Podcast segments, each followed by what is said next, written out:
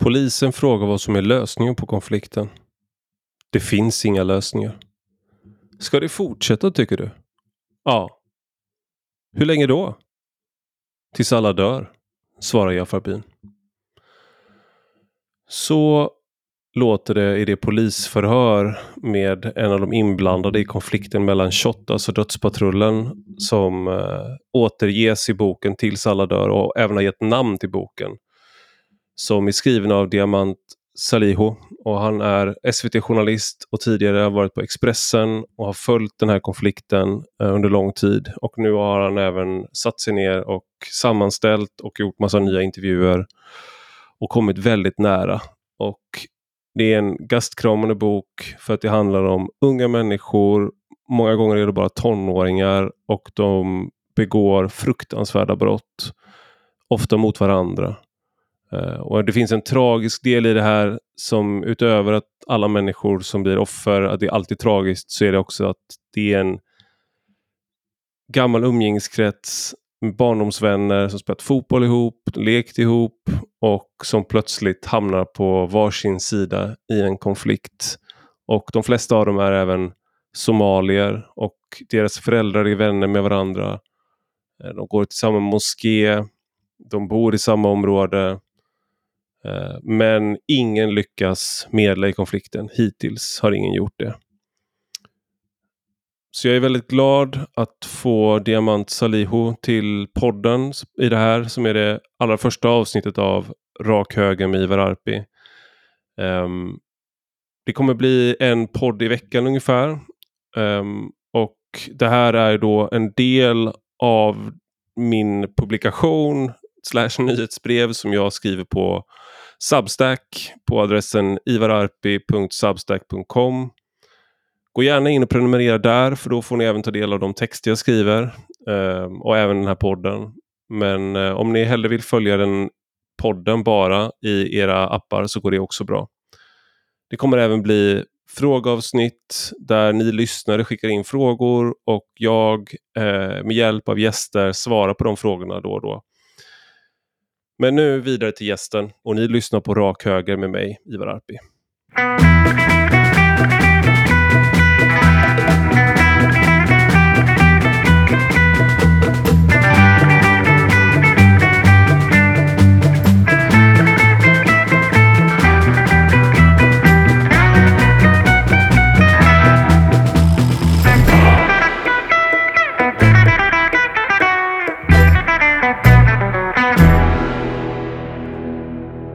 Välkommen Diamant Salihu. Tack så mycket. Kul eh, ja, eh, du har skrivit den här boken eh, Tills vi alla dör. Eh, tills nej, alla dör. Tills alla dör, inte vi alla. Vi alla låter som en existentiell bok som handlar om religion och människans existens på jorden. Men det här handlar om eh, konflikt som började mellan, inom ett kompisgäng eh, egentligen. Och det började med att några var Eh, inte fick delta i en eh, kupp mot en Forex-butik eh, eller Forex-kontor och eh, blev, några av kompisarna blev arga på några av de andra kompisarna. Och det låter så trivialt men det, din bok är all, långt ifrån trivial. Den är ganska, jag liksom sträckläste den och den är eh, ganska deprimerande. Det hade varit, om det hade varit en film hade det varit en otroligt deprimerande film skulle jag säga. Eh, jag mm. tänkte bara, vad, hur, hur är det att jobba med en... Alltså, kan, du, just det, kan du bara beskriva konflikten till att börja med så vi får med lyssnarna på vad är det som... Vad är det som... Hur börjar allting? Ja, eh, det är intressant att du säger deprimerande för det är ju det, är det, det här... Det är ju, det här är ju verkligheten. Det är ju, den är ju deprimerande. Och eh, det är ingen dramaserie som sänds på Netflix eller någon annanstans där det kanske finns ett lyckligt slut. Eh, I verkligheten är det väldigt eh, eh, mörkt skulle jag säga. Eh, och det här började Själva våldet i den här konflikten började egentligen sommaren 2015. Eh, precis som du sa när gruppkompisar blev osams efter en kupp mot Forex i Täby. En grupp äldre, en grupp yngre killar som ingick i samma kompiskrets de äldre genomförde kuppen, de yngre fick inte vara med. De ansåg att de skulle ha varit med.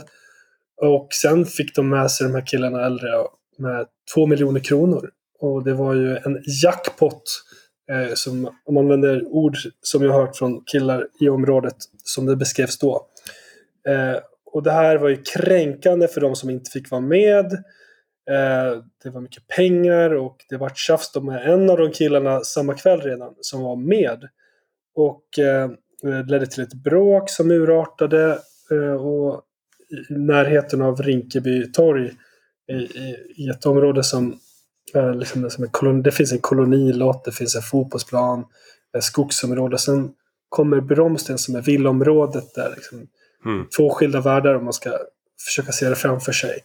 Eh, där skedde då en, eh, ja, det här första skjutningen i den här konflikten där en, den här äldre killen försökte fly från de här yngre grabbarna som var beväpnade och blev skjuten i ryggen. Mm. Och han traskade in liksom, eh, i, på andra sidan där en kvinna höll på knipsade mördarsniglar och plötsligt ville den här unge mannen ha hjälp. Eh, det är en väldigt drabbande scen tror jag för många för att eh, jag tror väldigt många av oss har mammor eller är själva sådana som knipsar mördarsniglar i rabatten. Alltså det är det och det är en väldigt liksom, jag kan inte tänka mig någon mindre eh, gangsteraktig miljö än att sitta och klippa mördarsniglar och sen plötsligt så kommer då den här eh, unga killen och har blivit skjuten och att det är på riktigt och hon, det går upp för henne att det, det är inte han är nära döden. Precis, och det är verkligen två världar som kolliderar. Det är ju väldigt litet kort avstånd rent, eh, men man tittar fågelvägen, men ändå väldigt skilda världar. Mm. Eh, och då leder, samma kväll så avlider den här unge mannen som är 19 år. Och det leder väldigt snabbt till en hämnd eh, 29 timmar senare.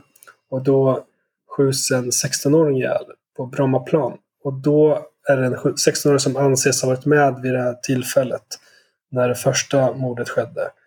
Och sen sätter det igång en, en våldsutveckling som ju fortfarande pågår än idag. Och den, den äldre killen som blir skjuten, eh, han runt honom och de som hämnas honom så bildas det som i media, eller de kallar sig själva för Shottaz. Och runt eh, den yngre killen eh, och de som den gruppen så är det då Dödspatrullen som har blivit kända i media som det. Ja. De har andra namn på sig själva men det är det, är det namnet som många av oss känner till.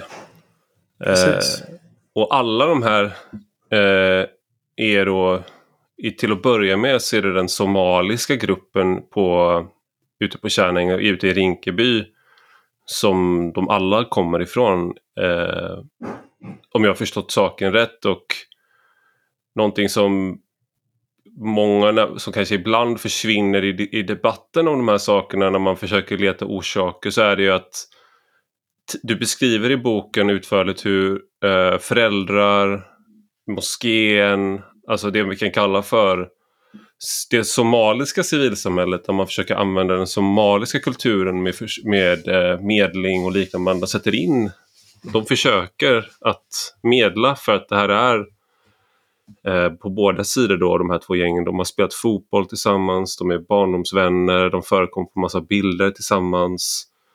Eh, men det, det funkar inte.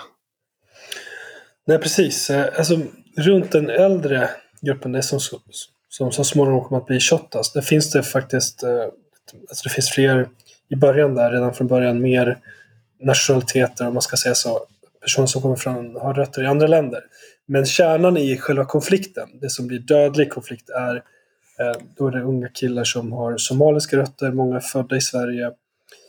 Ehm, och eh, deras föräldrar och eh, moskén med flera försöker på olika sätt engagera sig och få stopp på det här. Men det funkar inte. Det, de här bryr sig varken om den egna kulturen och de egna föräldrarna, vad de säger. Inte heller eh, det svenska samhället eftersom det finns ju i flera av de här fallen har ju man försökt med olika sociala insatser och tvångsplaceringar utan att de har hjälpt. Eh, de här killarna har rymt gång på gång, fortsatt begå brott. Eh, levt i något, verkligen, verkligen skapat sitt eget parallellsamhälle i området. Och det är därför jag tänker när man, om man tänker den här klassiska att var är, var är föräldraansvaret? När det du skildrar i boken liksom framträder väldigt tydligt är att i vissa fall så har inte föräldrarna funnits där men i andra fall så har föräldrarna försökt men eh, det är någon, nu kommer jag inte ihåg till vem av dem han är pappa men det är en av papporna som säger att sen min son var blev 13 år så slutade han lyssna på mig. Det, jag har ingen, ingen kan inte påverka honom längre. Eh, jag skulle säga att flera föräldrar, alltså, eh, nu önskar jag att jag hade fått prata med alla föräldrar. Mm. Det har jag inte fått. Eh, men jag kan ju se utifrån utredningar som socialtjänsten har gjort där föräldrarna har fått komma till tals och sådär. Och utifrån det jag har fått höra via intervjuer som jag har gjort och de föräldrar som verkligen har ställt upp. Det som är gemensamt för många av de här killarna eh, är att många föräldrar som jag har fått tag på och andra och utredningar läst så eh, framträder en bild att det som de har gemensamt är att deras barn som har sedan dragits in i den här konflikten har slutat lyssna på sina föräldrar. De har, de har till och med alltså, varit våldsamma mot sina föräldrar i flera fall. Mm. Eh, och då det liksom i familjer som är ganska stora familjer med många barn. Och då har de liksom de här sönerna, det är inte så att alla deras barn har gjort revolt utan de har söner som, som eh, har, i flera fall har diagnoser, har eh, struntat i sina föräldrar, struntat i sociala myndigheter och gått sin egen väg. Tillsammans med samma grupp unga personer som, som har haft liknande bakgrund, liknande problem eh, hemma och med alla myndigheter. Mm. Och det är också någonting som, eh, någonting som är värt att poängtera att eh, familjestrukturen i de här eh, grupperna eh, somaliesvenskar är annorlunda. Det är väldigt många, många har stora familjer och det är små, många bor ganska litet. Eh, att man kan tänka sig, och, och, i flera av de här fallen som du tar upp då, då är det också en, eh, en ensam mamma med kanske sju barn. Eh, och eh, en två eller en trea. Eh, det är en annan situation då kanske. När man, om man pratar om ett föräldraansvar så kanske det eh, om man tänker sig en, en, två föräldrar, ett barn som har många diagnoser och har väldigt mycket problem med skolan. Det är ett stort, det är ett stort ansvar. Det är svårt att komma till rätta med. Eh, och i flera av de här fallen du tar upp då så, så är det skolan, de varnar för att eh, det är, barnet agerar aggressivt mot lärare, det är en sexåring som knuffar en lärare eh, och många har då ADHD, i vissa fall eh, autismspektrumtillstånd eller Asperger. Eh, så det är det, det, om man tänker sig att det bara är Ja, men om man skulle vara rent, rent krass om man tänker sig att ja, Somali, det är somalier. Så missar man ju då att de inom den somaliska kulturen verkar ha Flera av dem har väldigt mycket problem med de här, det de gör och de känner att de har försökt använda den somaliska kulturen med medling eh, men också att de har många syskon som inte är en del av det här. Eh, och, och en annan sak som du tar upp i boken som jag tycker är intressant är att många har systrar samtidigt som blir, eh, en alltså, som blir integrerade mer. Eh, vad, vad, tror du om den skillnaden, alltså varför det går sämre för killarna inom den somaliska gruppen här och, eh, och bättre för tjejerna? Eh, jag har försökt eh, fråga väldigt många om just varför det verkar vara så. Och de svar jag får är att eh, det finns mer, så större social kontroll när det gäller flickor. Som kommer av nej, så här, kultur. Eh, och eh, att det i sig gör att flickorna kanske inte är ute lika ofta. Har mer krav på sig att vara hemma och sköta sig och hjälpa till med hushåll och, och att göra sina läxor. Eh, som en polis som jag pratade med sa att ja, men, när hon själv såg det här, med polisen, så tänkte hon att jaha okej, okay, det här är ju någon, på något sätt om man ska som feminist i Sverige så är man ju emot hederskultur men här verkar det på något vis ha varit haft ett, eh, en positiv effekt för systrarna. Mm. Alltså, ja, eh, det var ett sätt att se på saken. Men ehm, det är ju, jag, jag upplever liksom utifrån de intervjuer jag har gjort att man har haft stora utmaningar eh, just när det gäller pojkar. Eh, en del av pojkarna såklart, inte alla pojkar. Men att eh, man, man är medveten om det upplever jag. Att, Mm. att det är färre pojkar som, eller pojkar, unga killar som studerar vidare på högskola och universitet än vad det är tjejer. Men så ser det ut i samhället i övrigt också. Det är ofta tjejer som pluggar vidare. Eh, Alltså rent anekdotiskt, så jag, när jag har pluggat på universitetet så har jag ju haft flera eh, somaliska kurskamrater. Men det har alltid varit tjejer.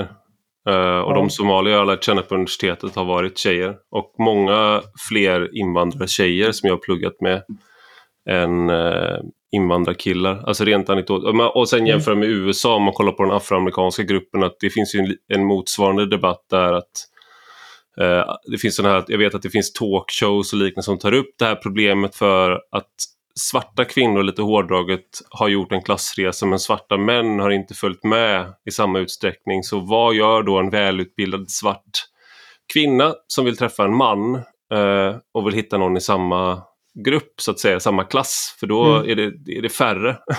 mm. Eh, och att det, en- det, finns, det finns liknande problem med andra eh, grupper som har, eh, som har problem med det samhället de lever i, så att säga. Ja, och det här är intressant egentligen. Alltså, jag upplever i alla fall att det inom den somaliska gruppen i det här fallet finns en, att man är väldigt medveten om detta och att man vill förändra det på något vis.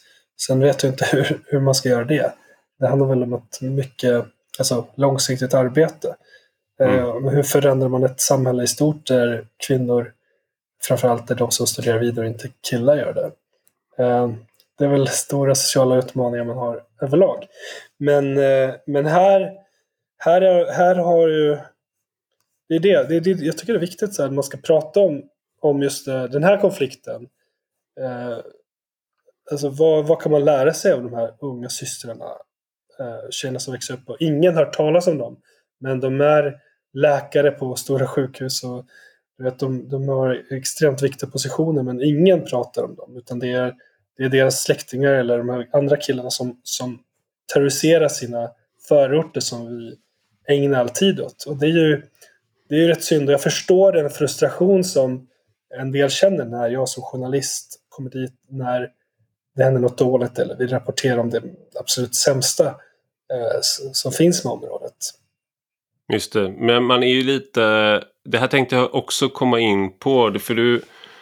Någonting som återkommer i eh, boken och som du själv... Eh, eh, alltså du är ju inte Sivert Öholm sådär, att du tror att det är så här videovåld som är liksom och att hårdrock som kommer göra folk till eh, satanister och sådär. Mm. Men någonting som är en viktig del i boken är ju eh, musiken och rap och de värderingar som kommer eh, via, via rappen och hur viktigt det är för, för eh, de som deltar i konflikten.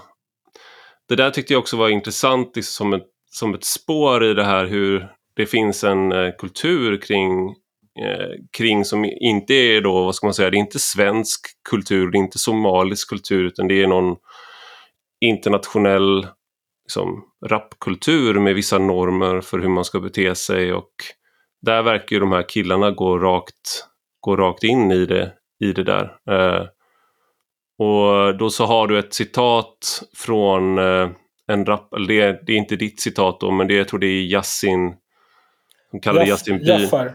Är det Jaffarbyn som säger det, men att han eh, säger att det är supply and demand? Ja, ja, det är faktiskt Yasin. I- Det är Yasin. I, i Jaffars låt. Ja. Ja, ja det, här, det här är så... Det, det är kul att, att jag kunde liksom... Att jag, jag hade rätt och du hade fel. Eh, men eh, han säger det, supply and demand motherfuckers, liksom att vi, ni ville ha den här gangsterskiten. Det han säger det, ni ville ha den här gangsterskiten, supply and demand, någonting sånt. Och att vi då... Eh, du har inte skrivit boken tills alla blir sjuksköterskor och läkare och apotekare, utan du har skrivit boken tills alla dör. Och jag intervjuar dig om det och det handlar om de här killarna framförallt. är vi då en del av problemet genom att vi är så intresserade av det här våldet eh, och är så intresserade av de här kriminella som journalister och som vad jag nu är då, skribent. Blir vi en del av problemet? Um, på ett sätt så bidrar vi såklart till att lyfta de här sakerna och uppmärksamma de här rapparna och de här gangstrarna eller vad man ska säga. Men jag tycker samtidigt att vi har ett enormt viktigt uppdrag att faktiskt förklara för allmänheten vad det här handlar om.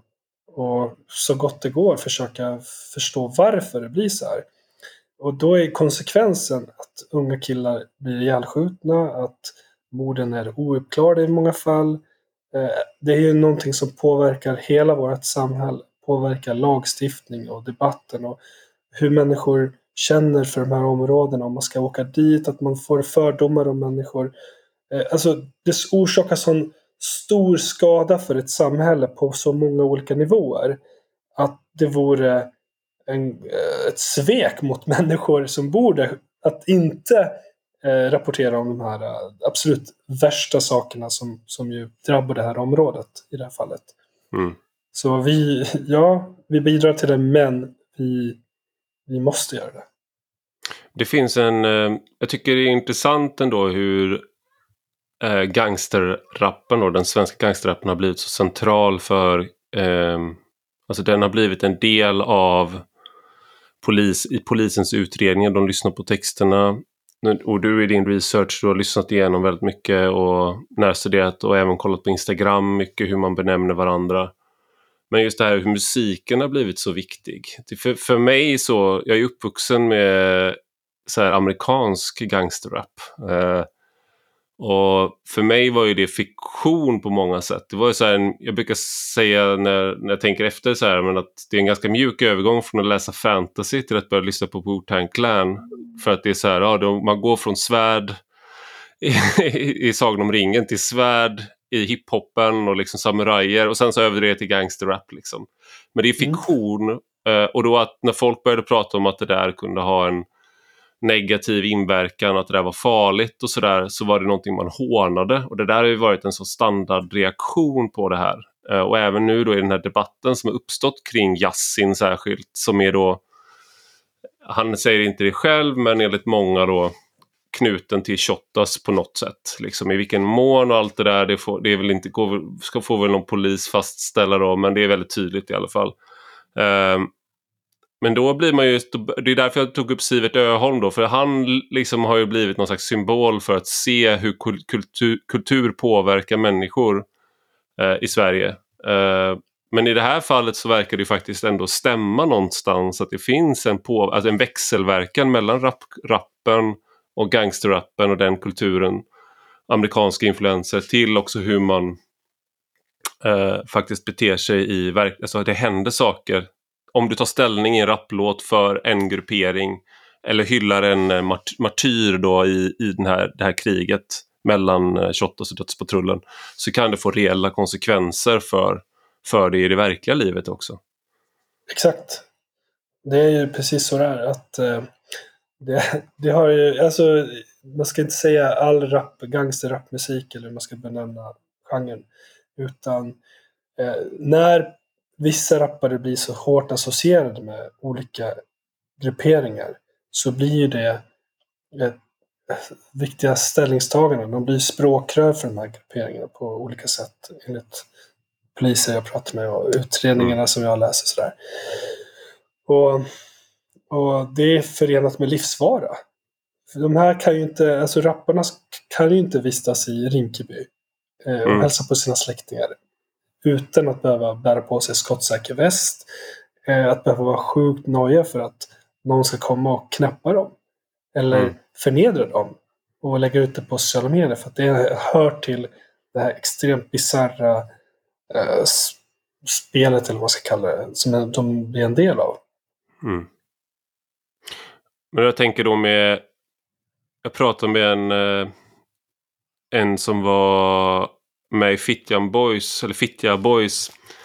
Eh, och eh, som är aktiv på sociala medier och han är före detta kriminell nu men var väldigt liksom tungt kriminell under 90-talet och han menar ju då att eh, det var gangsterkulturen som kom väldigt starkt till Sverige på 80-talet, 90-talet. Att det förändrade hur man betedde sig och att man började liksom anamma amerikanskt sätt att vara på. Eh, och det där är ju någonting man känner igen från, alltså som jag själv känner igen från när jag växte upp i Göteborg. Att det var väldigt, liksom, många av de här sakerna som förekommer i Alltså hur man tänker och de här liksom tankesätten. Så där, det där är ju sånt jag känner igen. Det är bara att när det var på 90-talet eh, och sådär, då var det ju mycket färre skjutvapen. Eh, och det var andra saker, du kunde drabbas av andra saker. Jag kommer ihåg apropå rap, jag höll på att skriva hiphop-texter på nätet när jag var då tonåring. Och så höll man på med sådana diss, battle rap som höll på att dissa varandra. Nu gjorde mm. jag det med, någon, med folk på nätet bara. Och då gjorde jag det med någon som var från Biskopsgården i Göteborg då, som är ett eh, utsatt område. Så då började han åka runt i bil och leta efter mig i mitt bostadsområde. Mm. Eh, och fråga runt människor som vi kände båda två vart jag höll hus. Eh, det är så nära jag har kommit att vara då liksom en, alltså det antagligen hade inte hänt någonting. Det är liksom, men jag bara, väldigt mycket av sådana saker som känns som att det förekom på 80 och 90-talet förekommer nu men det är på en helt annan skala. Alltså de här värderingarna, det här sättet att bete sig. Eh, att man, eh, när folk höll på med bostads, så här med att man skulle vara sitt, sin post, sitt postnummer och sånt där på 90-talet. Det var inte så, det var som en, eh, en pås. Mm. Liksom. Men det är inte det för folk idag på det sättet. Eh. Det har väl funnits i alla tider. Alltså, jag, jag har en bok framför mig förresten här, du kan se den. Ballad of the Bullet, Gangs, Drill Music and the Power of Online Infamy av uh, Forrest Stewart. Jajamän, han har ju följt eh, gatulangare, gängkillar i, i Chicago under 18 månader. Sen, han är sociolog och skrivit en bok om detta och alla de här, det som vi pratar om nu och gangsterrappen och eh, sociala medier och uppmärksamhetsekonomin. Sjukt intressant, kan rekommendera den. Men, men han tar upp eh, hur eh, en väldigt känd sociolog, Pierre Bourdieu, eh, jag hoppas jag uttalar namnet rätt, eh, redan liksom skriver om 1800-talets novellister och hur de som då kom från dåtidens underklass eh, för att kunna konkurrera med de mer privilegierade borgerliga novellisterna Eh, då eh, refererade till sin egna grupp. Alltså använde extrema så här, stereotypa bilder för att, för att nå ut till publiken. För att mm. nå mer uppmärksamhet. Och eh, jag tänker liksom på det du gjorde när du var ung och växte upp eh, i Göteborg och det vi ser i våra förorter idag och den bild vi ser på i musikvideor, eh, alltså de här kläderna, attributen man, man ser. Och klädstilen som också hänger väldigt mycket ihop med den här livsstilen. Att man ska ha märkeskläder, synliga loggor eh, som visar någonstans vilken, alltså väldigt tydligt vilken tillhörighet man har. På mm. samma sätt som man kanske ser finansfolk som klär sig på ett sätt, eller kulturprofiler. Som dig. Det var någon som kallade, sa, någon såg mig på bilden kompis, det här var inte elakt sagt, utan han såg en bild på mig, han bara ah, oljerock eh, så här från Barber, eh, rutig skjorta från Gant. Det, du ser ut som ett moderat kommunalråd. Ja, eh, bara, fan, jag har liksom långsamt gått, det, det är min klädstil nu. Jag har bara anammat liksom min... Man kan se det på långt håll liksom. Där kommer moderat kommunalråd gående liksom. Ja men precis, ja. och då kan man ju, alltså, det är inte så stor skillnad egentligen från de, de här attributen som de här unga killarna visar upp och klä, alltså använder sig av. Och jag tycker det är intressant att, du, alltså, att det, det är inget som har förändrats. Det, här, alltså, det är ju människans sätt att nå, nå ut och, eh, och jag tycker liksom att eh, den bild som visas upp på sociala medier och eh, som man sjunger om och så vidare. Mm. Som man ser överallt i världen och även här. att det är ju, det är ju verkligen en stereotyp bild av gangsterlivet, av förortslivet och så vidare. Och jag kan, jag kan eh, bli lite provocerad av det också för att när man verkligen går ut och träffar människor så ser man liksom att alltså, det är så vanliga människor som, som knegar på och som klär sig annorlunda från dig och mig kanske, men, men som är sjukt vanliga, som representerar majoriteten i de, här, i de här områdena. Men det får man inte heller se i de här klippen. I, eh, det, det är inte det man alltid sjunger om. Nej. Eh, och, och det är, är det för att vi vill ha det här. Är det, vi, vi betalar uppenbarligen för att lyssna på den här musiken. Ja, men det är det här jag undrar också då när man har... Jag då som då inte lyssnar på den här musiken för att jag är old school och lyssnar på äldre hiphop. Så att de, den nya hiphopen jag lyssnar på görs av 50-åringar nu typ. Eh, det är folk som fortsätter att göra hiphop på den stilen som jag växte upp med. Liksom. Den hiphopen lyssnar jag på. Så jag klarar inte av drill. Ja men alltså Gangstar, alltså DJ Premier, hela Wu-Tang Clan-kollektivet. Eh, alltså, vad ska man säga, boom bap kallas den hiphop-stilen jag gillar mest. Liksom. Det är så här, det är för att det är boom bap, det låter så. Den, hela 90-tals hiphopen var i princip sån. Mm. Eh, östkust hiphop liksom.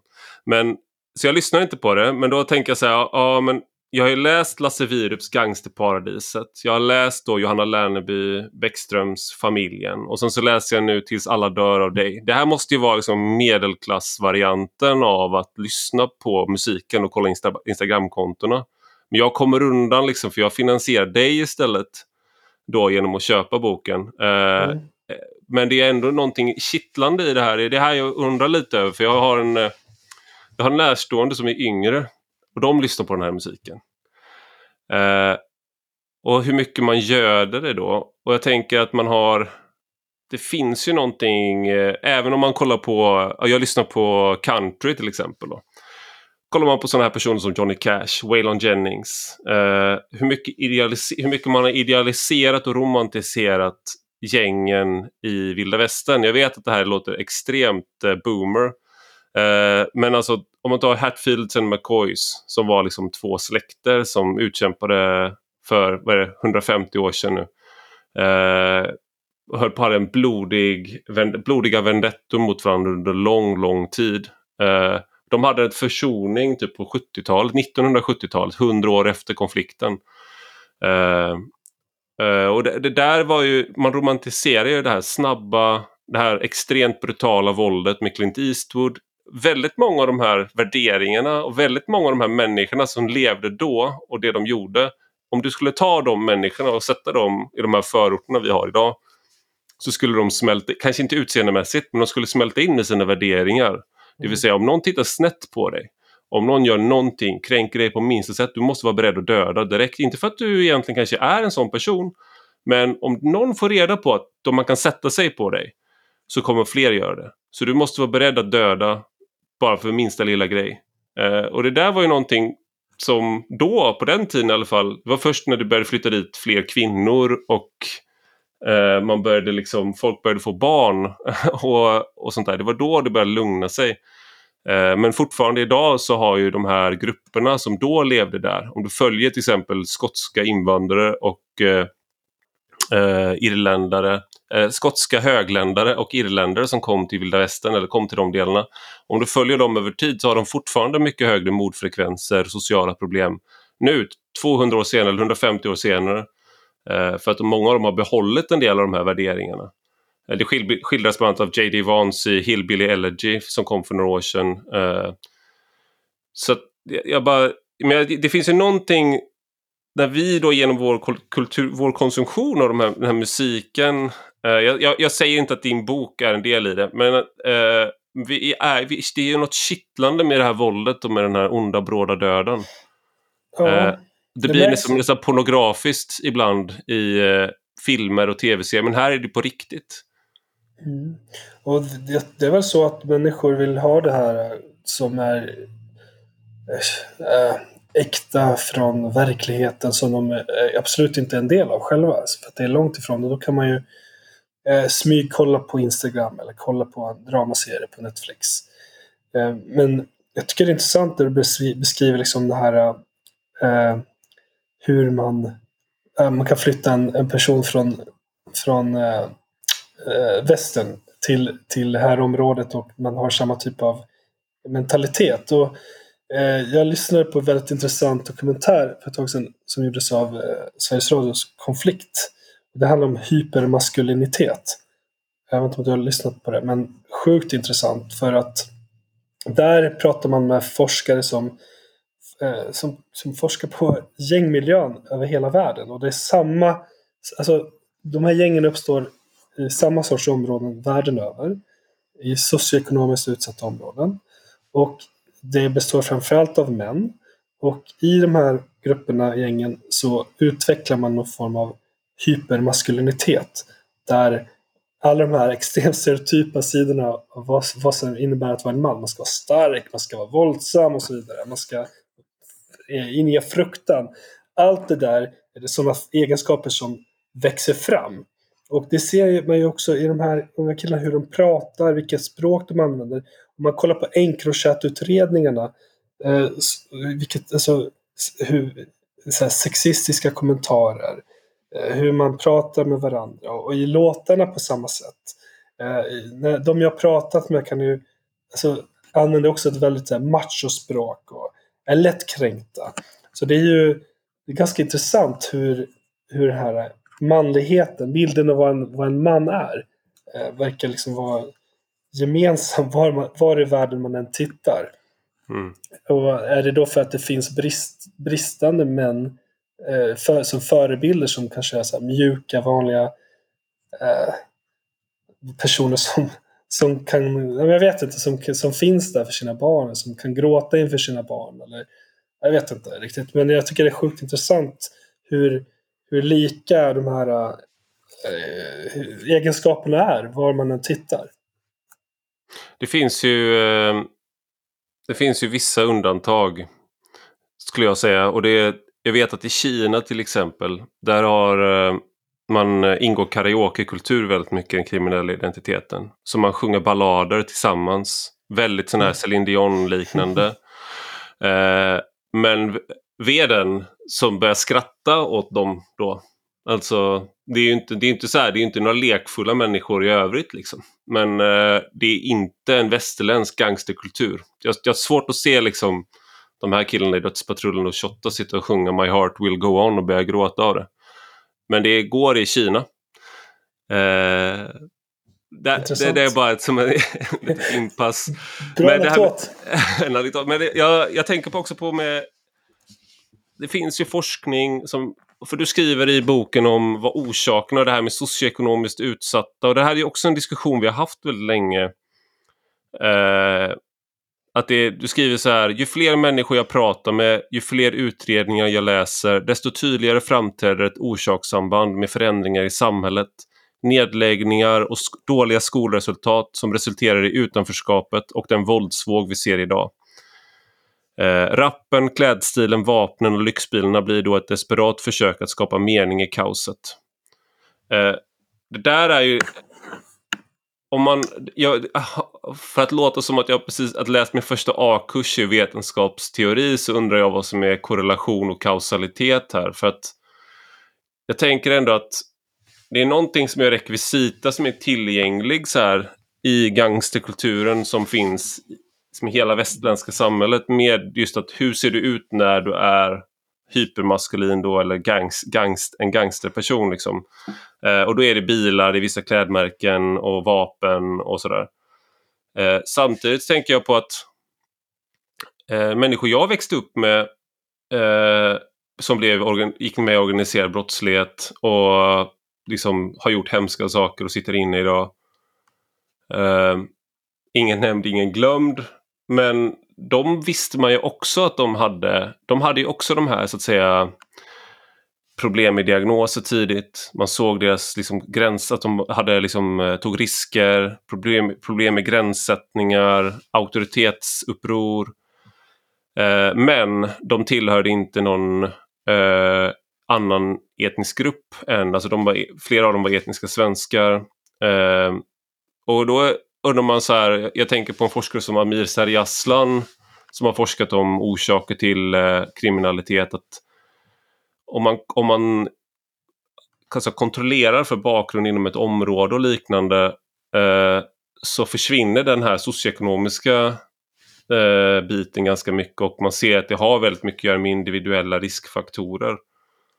Eh, och då tänker till exempel om man då om man då så att säga lägger det vid med nedläggningar, eh, liksom, skola som är problematisk och sånt där, då borde det egentligen vara många fler inom de här familjerna till exempel som växer upp om de är sju syskon.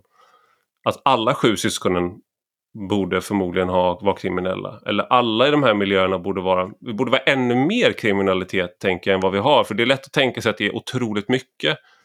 Men det är ju inte liksom 95 procent av de som bor där som är kriminella utan det är tvärtom så att det är ganska få.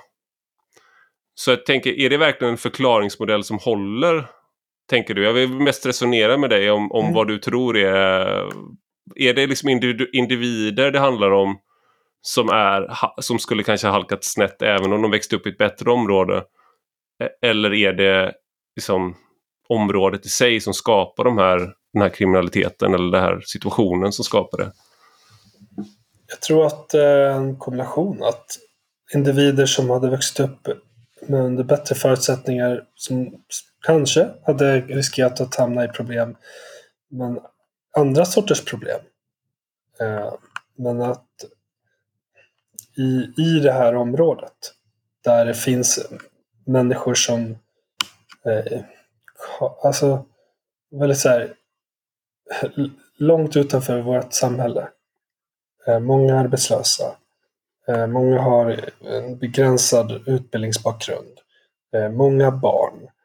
Eh, du har eh, hög andel som inte klarar skolan. Eh, du har många andra som är äldre generationer som skolar in dig. Rekryterar in dig i en livsstil som är destruktiv. Du har upplopp, du tänd, man tänder eld på ett annex som ska hjälpa till att få unga i området att nätverka med näringslivet. Alltså det, det, finns så himla många olika saker som sker parallellt som skapar den här perfekta stormen av destruktivitet. Mm. Eh, också i kombination med att det finns individer med de här problemen. Eh, jag, jag, jag tycker att det är liksom inte... Fan, jag har inte svaren på exakt hur det kan bli så här. Vad fan? Jag nu är du ju här! Nej, men, jag, jag, jag, jag du har ju skrivit en bok! Du har skrivit en hel bok! Nej, men precis. Jag, jag, jag hoppas ju faktiskt verkligen att andra ska ta vid. Eh, som ju är kriminologer och sociologer och allt. Alltså alla de här som på djupet kan försöka se om det finns andra samband. Eh, men jag, jag, tycker inte att själv i alla fall att det har varit så enkelt att så här, peka på något enskilt utan att här har vi liksom ett område där så mycket händer. Människor, som jag sa, så långt utanför. Och föräldrar som har bott här i decennier som kanske fortfarande pratar svenska ordentligt, att kan förstå ett myndighetsbeslut. Mm. Man blir så himla beroende av hela tiden det här eh, lokalsamhället eh, som lever ganska så isolerat. Man är så tajt inom gruppen.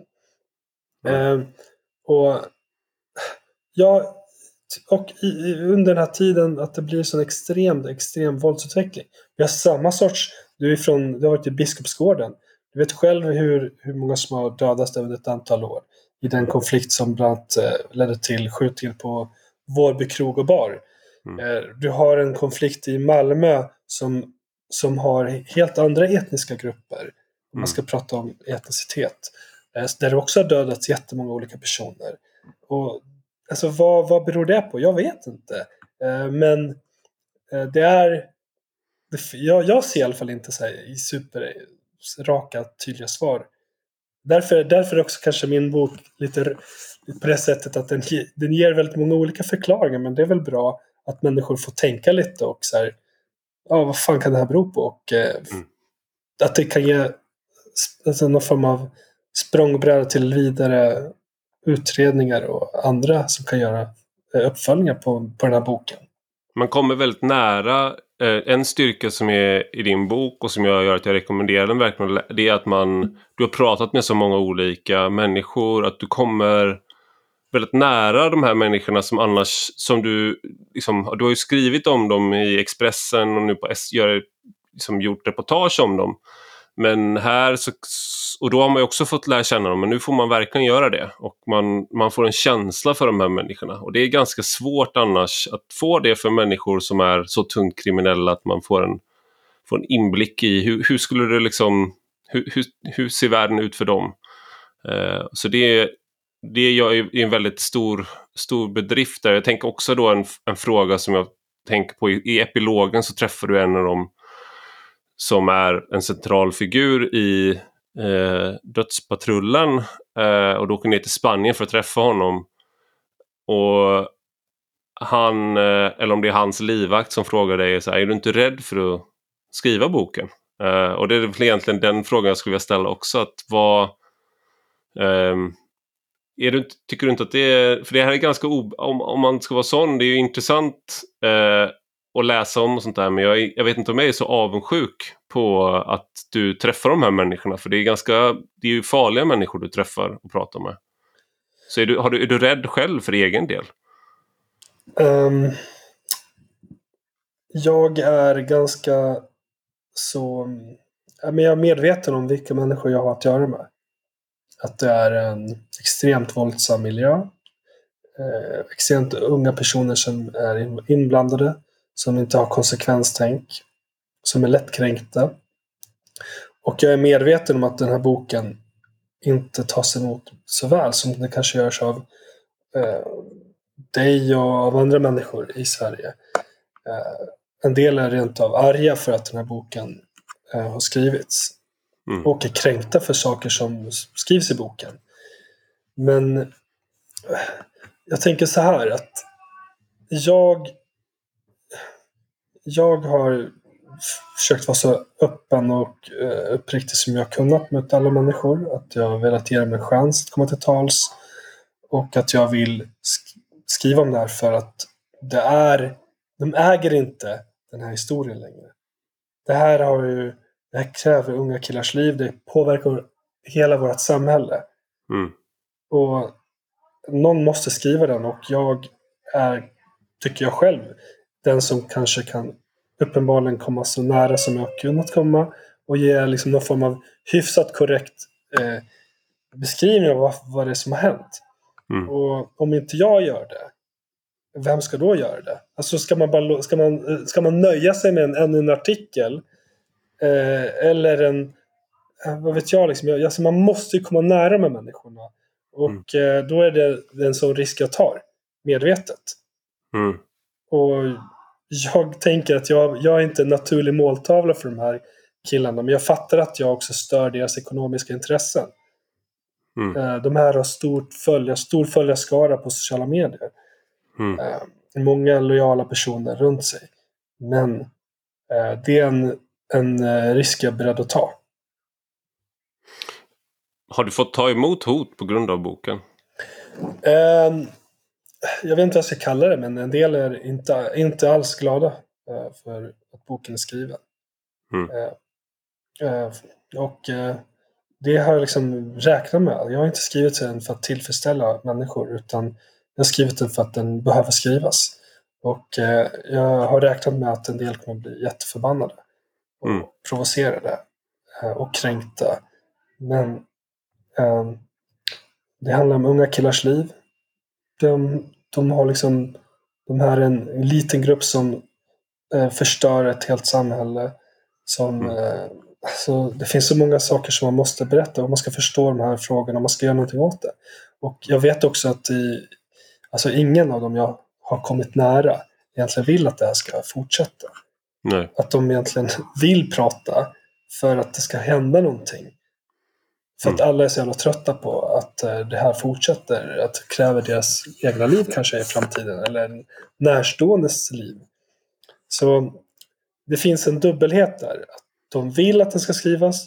Och de, de, de tycker att det är bra att någon tar sig an det här och skriver. Samtidigt som eh, det blir jobbigt att läsa för att det kommer innehålla detaljer som är jävligt jobbiga. Mm, just det. Det blir privat. Och jag fick precis liksom innan vi gick igång här ett meddelande av någon som vill prata med mig. Och, som, och det är liksom så här, ja, jag räknar med den här reaktionen. Mm. Eh, och jag måste hantera reaktioner efter att boken är publicerad. Och, och, och det, det, det hör ju till. Men nu, alltså i en vanlig publicering när jag jobbar för SVT så är det, får man ju såklart reaktioner också. Men här handlar det om så, här, så många olika människor. Eh, mm. Med olika nivåer av eh, farlighet som man måste hantera. Mm.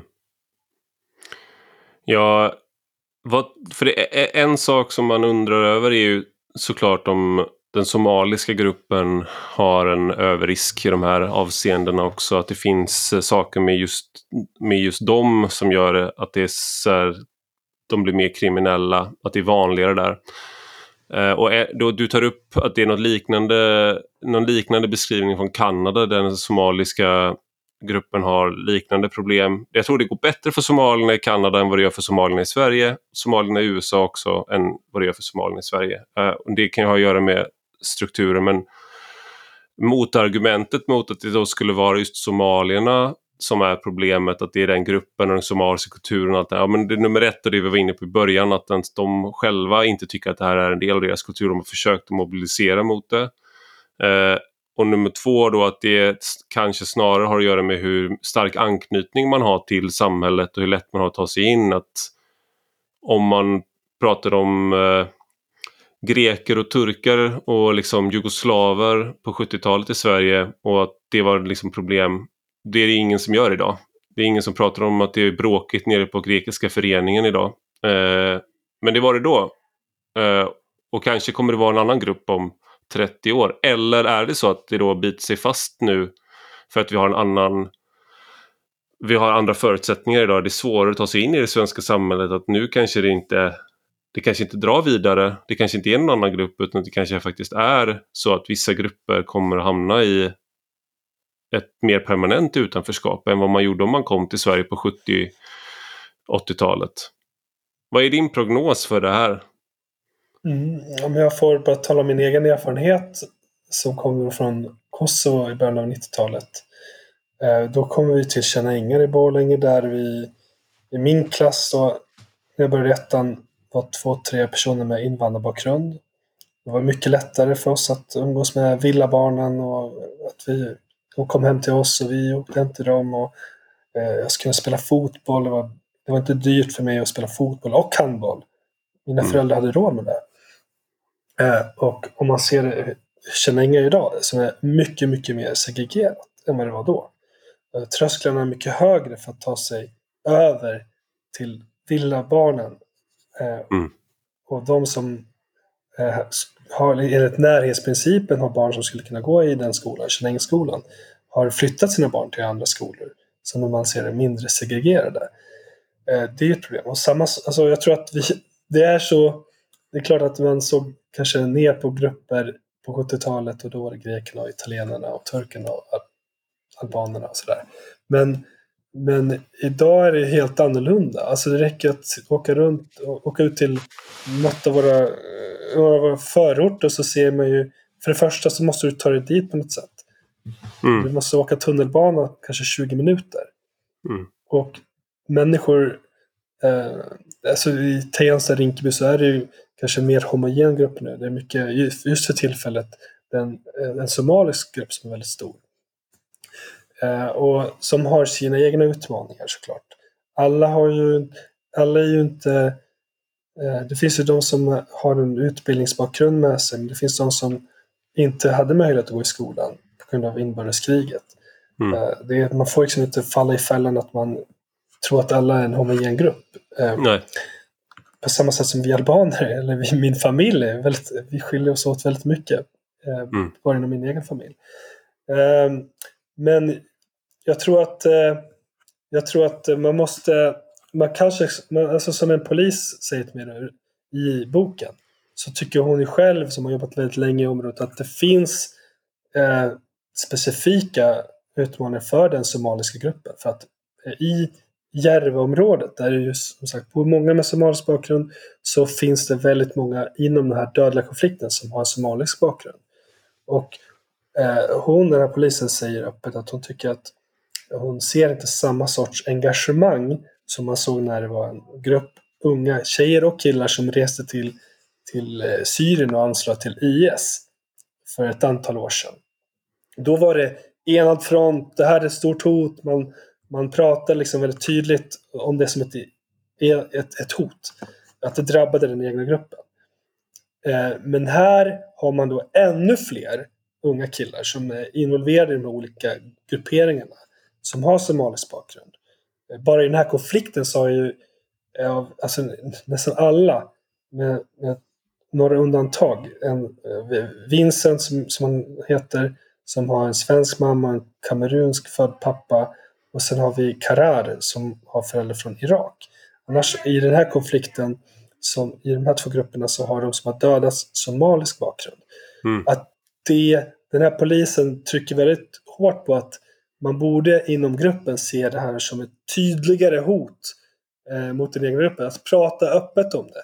Jag har märkt från flera som jag har träffat som har bott decennier i området, som har somalisk bakgrund, som gärna vill prata om att det är ett problem inom gruppen, för att det drabbar ju deras barn.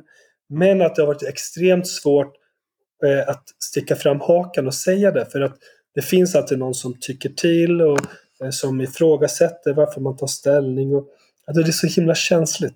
Man måste förstå att i, det, det finns ju många olika konstellationer och strukturer som som, som påverkar dem. Som gör att de kanske blir utfrysta och behöver flytta därifrån.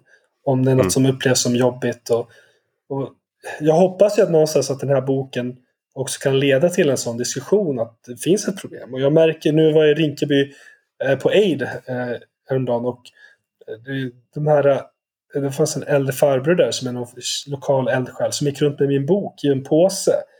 Eh, och bara så pratar om den. Så det, jag ser att man pratar om, om den här konflikten, om barnen som har drabbats. Men att det finns enligt dem också andra saker som har lett till att det har kunnat bli så här. Eh, men jag kan ju, det är verkligen så att i den här konflikten så är det ju verkligen den svensk-somaliska gruppen som är hårt drabbad. Mm. Jag tänker, eh, som du, som du är inne på, det var väl ungefär så, jag trodde vi hade lite fler med utomeuropeisk härkomst på min skola men, eh, grundskola. Men jag tror aldrig liksom riktigt jag fattade då att folk kom, alltså jag fattade att folk kom från andra länder. Men det var liksom ingenting jag reflekterade över. De första gången jag reflekterade över det var när det kom gäng till mitt område och eh, attackerade oss för att vi var svennar. Mm. Och det var Kickers gäng.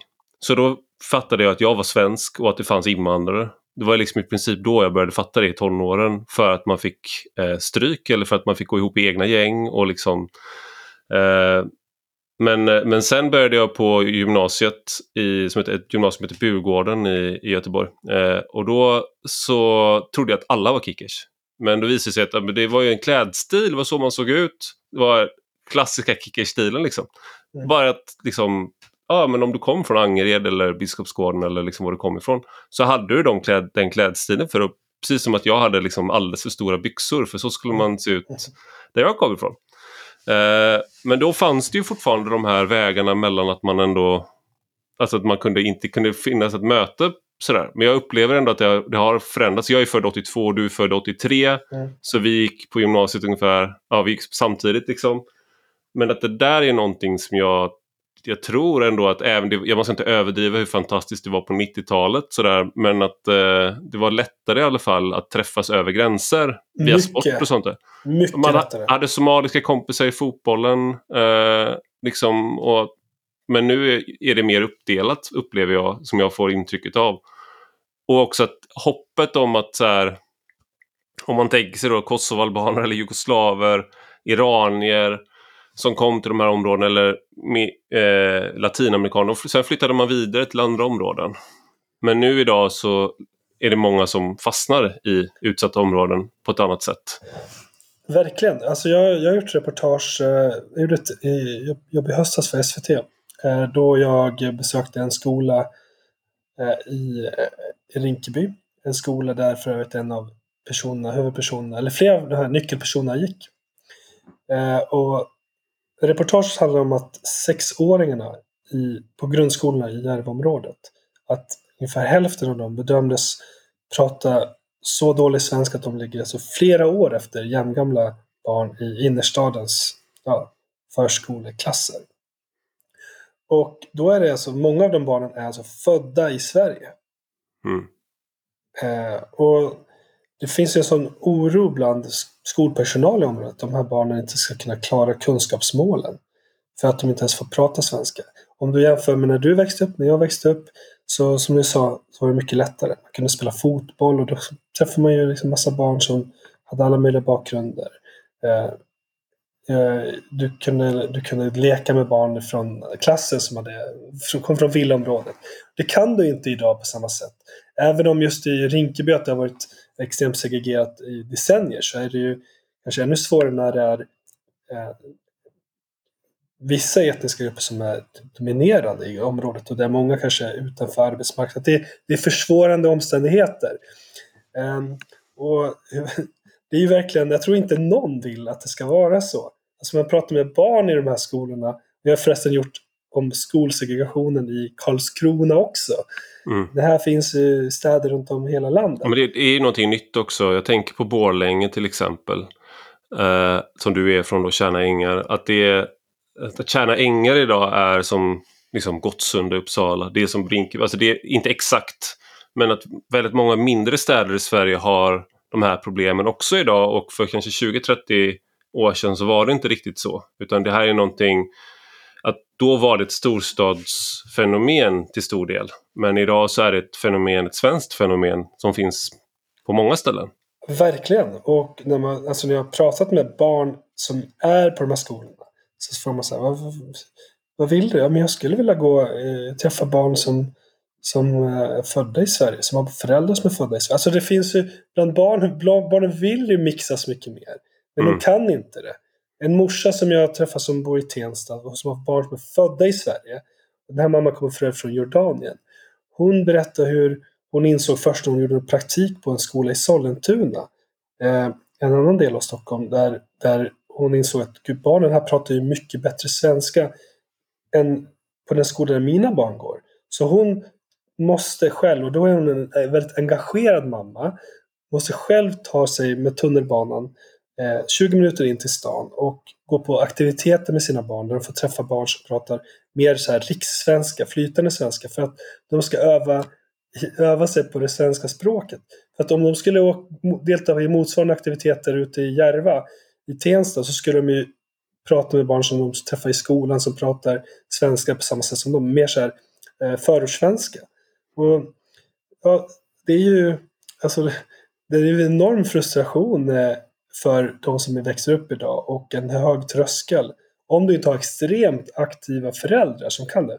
Men om du då har föräldrar som jobbar, inte jobbar eller tar flera jobb och konstiga arbetstider och det är många barn. Och ska man ha råd att betala medlemsavgiften för fotbollen som kostar 3000 spänn per unge per år. Mm. Alltså hur, hur ska man göra liksom för att de här barnen ska vara, alltså inte ska hamna utanför? Och sen har du då flera hundra från Järvaområdet som årligen inte klarar behörighet till gymnasiet.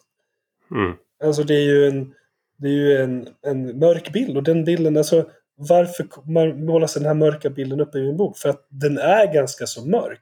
Även mm. om det finns ljuspunkter här och där så är det ju en, en bild som speglar verkligheten. Och det, den har ju kunnat bli så här på grund av hundra olika skäl. Eh, och frågan är om vi vill ha det så. Tack Diamant Salihu för att du var med i Rak Höger. Tack själv Ivar. Och tack till dig som har lyssnat. Har du några synpunkter eller frågor får du gärna höra av dig på ivar.arpi.gmail.com. Tack och hej!